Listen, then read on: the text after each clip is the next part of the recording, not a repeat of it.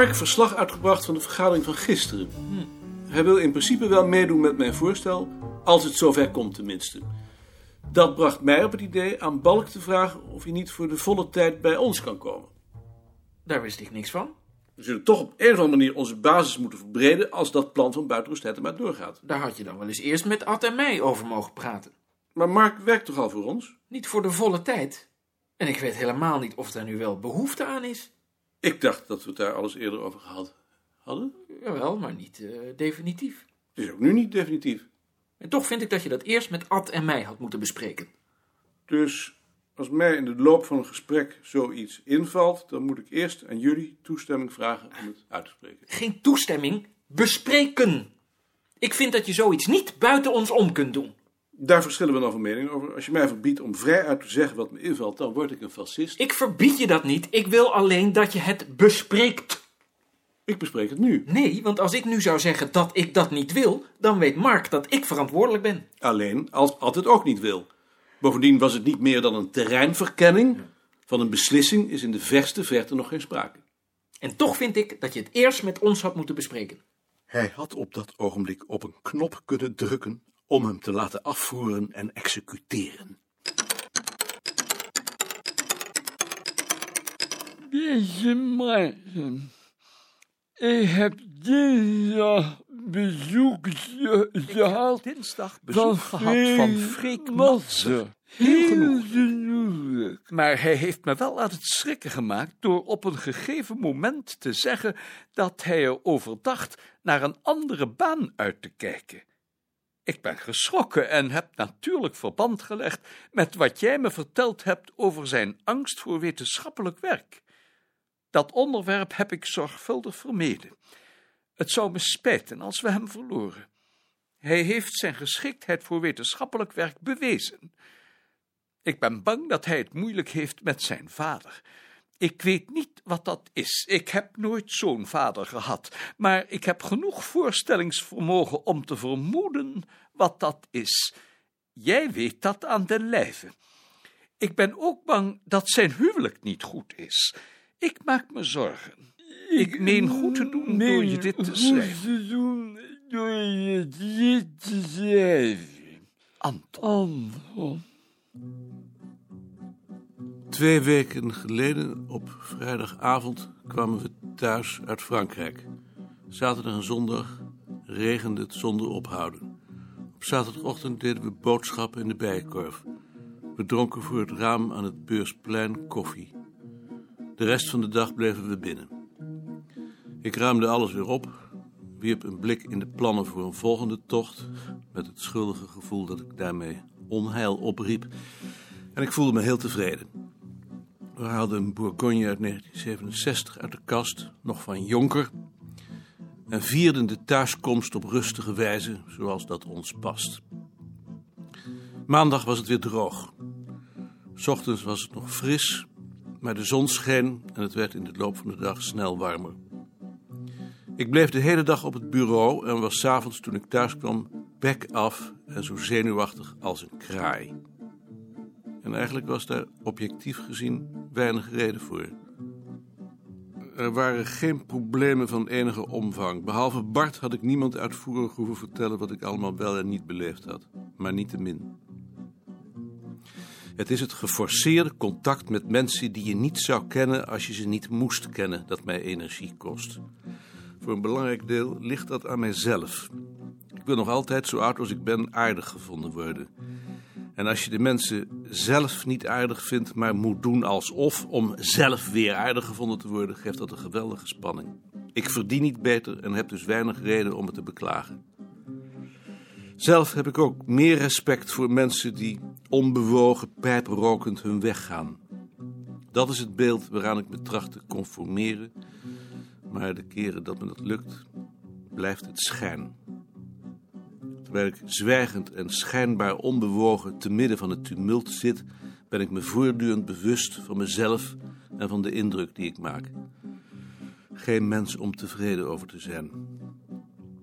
Maar aangezien een zekere mate van tevredenheid of een, laten we zeggen, evenwichtigheid nodig is om overeind te blijven, raak je er zelf niet zo gauw op uitgekeken.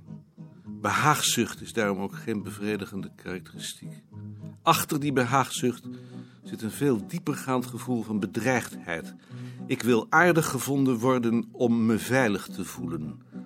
Maar zodra iemand me aardig vindt, voel ik me nog niet veilig. Er zijn heel weinig mensen bij wie ik dat gevoel bedreigd te zijn niet heb. En van die mensen kan het me niet schelen of ze me aardig vinden. Integendeel. Ik verwacht juist van hen de grootst mogelijke objectiviteit. Maar dat is uiteraard een veel geraffineerdere vorm van aardig gevonden willen worden. Zodat er over deze zaken nog wel wat te zeggen zou zijn. Ben jij hier nieuw? Ja, Hoe heet je dan? Tineke Barkhuis. Ik ben Rick Bracht. Waar werk je? Op het muziekarchief? Hoe gaat het nou met de duiven? Zorgelijk. Heb jij duiven? In de boom voor mijn huis zit een nest. Dat is zeker wel leuk. Nee, dat is helemaal niet leuk. Zolang die zit te broeden ben je bang dat hij niet wordt afgelost. En als de eieren uit zijn, hou je je hart vast dat die vogels eruit mieteren. Want zo'n nest is niks. Hoe een bioloog dat doet, weet ik niet, maar ik durf bijna niet te kijken. Liefst zou ik de hele troep negeren. En eh, waarom doe je dat dan niet? Dat weet ik niet. Ik moet kijken. Gisteren, nee, eergisteren. Ik pak mijn kijker, want als je kijkt, dan kijk je ook met grote regelmaat. Die oude duif zit op het nest en een van de jongen is bezig het voedsel uit zijn krop te rukken. Ik kijk met de dood in mijn hart, want het andere jong zie ik niet. Geen stukje.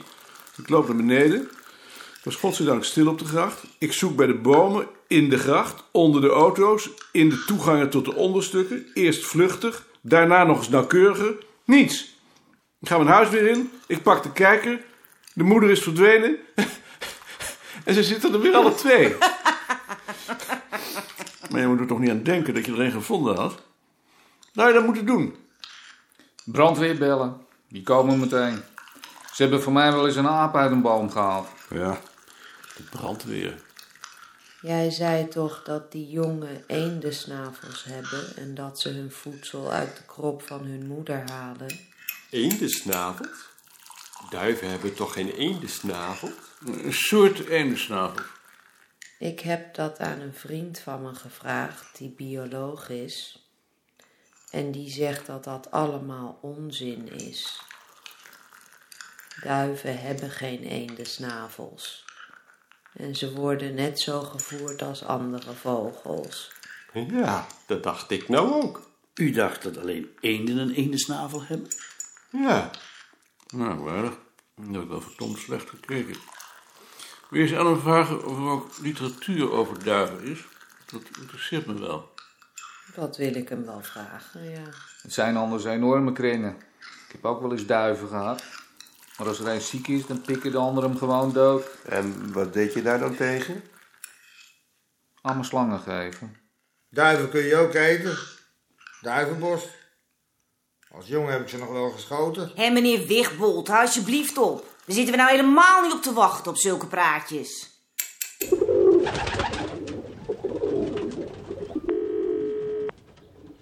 Met mevrouw Koning. Dag. Hoe gaat het met de duiven? Wel goed, geloof ik. Wat doen ze? Ze zitten te kijken. Alle twee? Ja.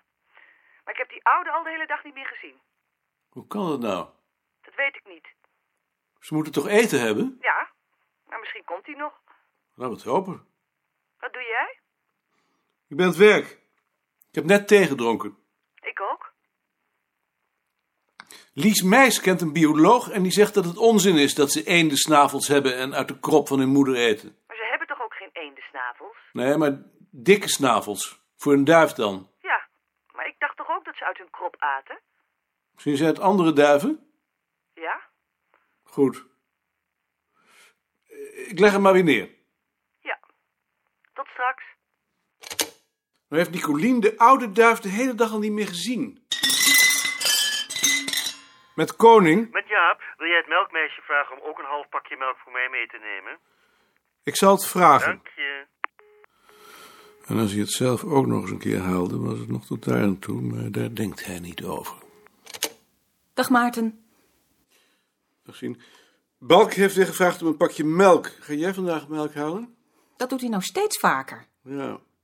En weet je hoe het dan gaat? Dan breng je het in zijn kamer en het enige wat hij dan zegt is: zet het maar in de ijskast. En dan kun je weer naar beneden om het in de ijskast te zetten. En vervolgens vergeet hij ook nog om je te betalen. Ja, zo is Balk. Geachte heer. Eh, ik ga vandaag wel melk halen. Ik wil het best doen hoor. Dat weet ik wel, maar vandaag doe ik het. Een half pakje melk. Karne graag. In antwoord op de in uw brief van 5 juli jongstleden gestelde vragen deel ik u mede dat het op ons bureau aanwezige kaartsysteem het hele terrein van de cultuur van het dagelijks leven bestrijkt, zowel het geestelijke als het materiële, met bijzondere aandacht voor de daarin bestaande tradities. Dag Maarten. Dag Bart. Het bevat op dit ogenblik ongeveer een miljoen fiches met een jaarlijkse aanwas van circa 50.000. Hoe gaat het met de duiven? Nicolien heeft de vogelbescherming gebeld. Het blijkt heel gewoon te zijn dat duiven hun jongen geleidelijk in de steek laten. Dat is om ze te dwingen het nest te verlaten. Zie je wel, je moet zulke dingen gewoon aan de natuur overlaten. Behalve als de natuur verpest wordt door die rotauto's. Daar zul je van mij dan ook geen goed woord over horen. Vanochtend zag ik weer een doodgereden jonge duif. Waar was dat dan? Op de hoek van de Leids en de Heergracht. Ja, dat is inderdaad verschrikkelijk. Het is een trefwoordencatalogus met ongeveer 80.000 trefwoorden die door onderlinge verwijzingen verbonden zijn. De bedoeling is om met behulp van deze verwijzingen tot een systematische ordening te komen, zonder het karakter van de trefwoordencatalogus prijs te geven. Daaraan wordt op het ogenblik gewerkt. Meer in concreto betekent dat dat het systeem op de duur een geraamte van naar schatting 2000 trefwoorden zal bevatten, die gezamenlijk het gehele terrein bestrijken en van waaruit de overige trefwoorden bereikt kunnen worden. Dag Maarten. Dag Hout. Ik wilde eigenlijk vanmiddag wel eens naar meneer Beerta gaan. Dat kan, graag. Dat zal hij leuk vinden. Ik leg je straks wel uit wat het is. Eerst even deze brief aftikken. Zolang deze operatie aan de gang is, is het systeem niet toegankelijk voor buitenstaanders, maar wij zijn natuurlijk te alle tijden bereid om mondelinge of schriftelijke verzoeken om inlichtingen te beantwoorden. Met hoogachting M. Koning. Jij melk? Een halfje graag. En jij Ad? Nee, dank je.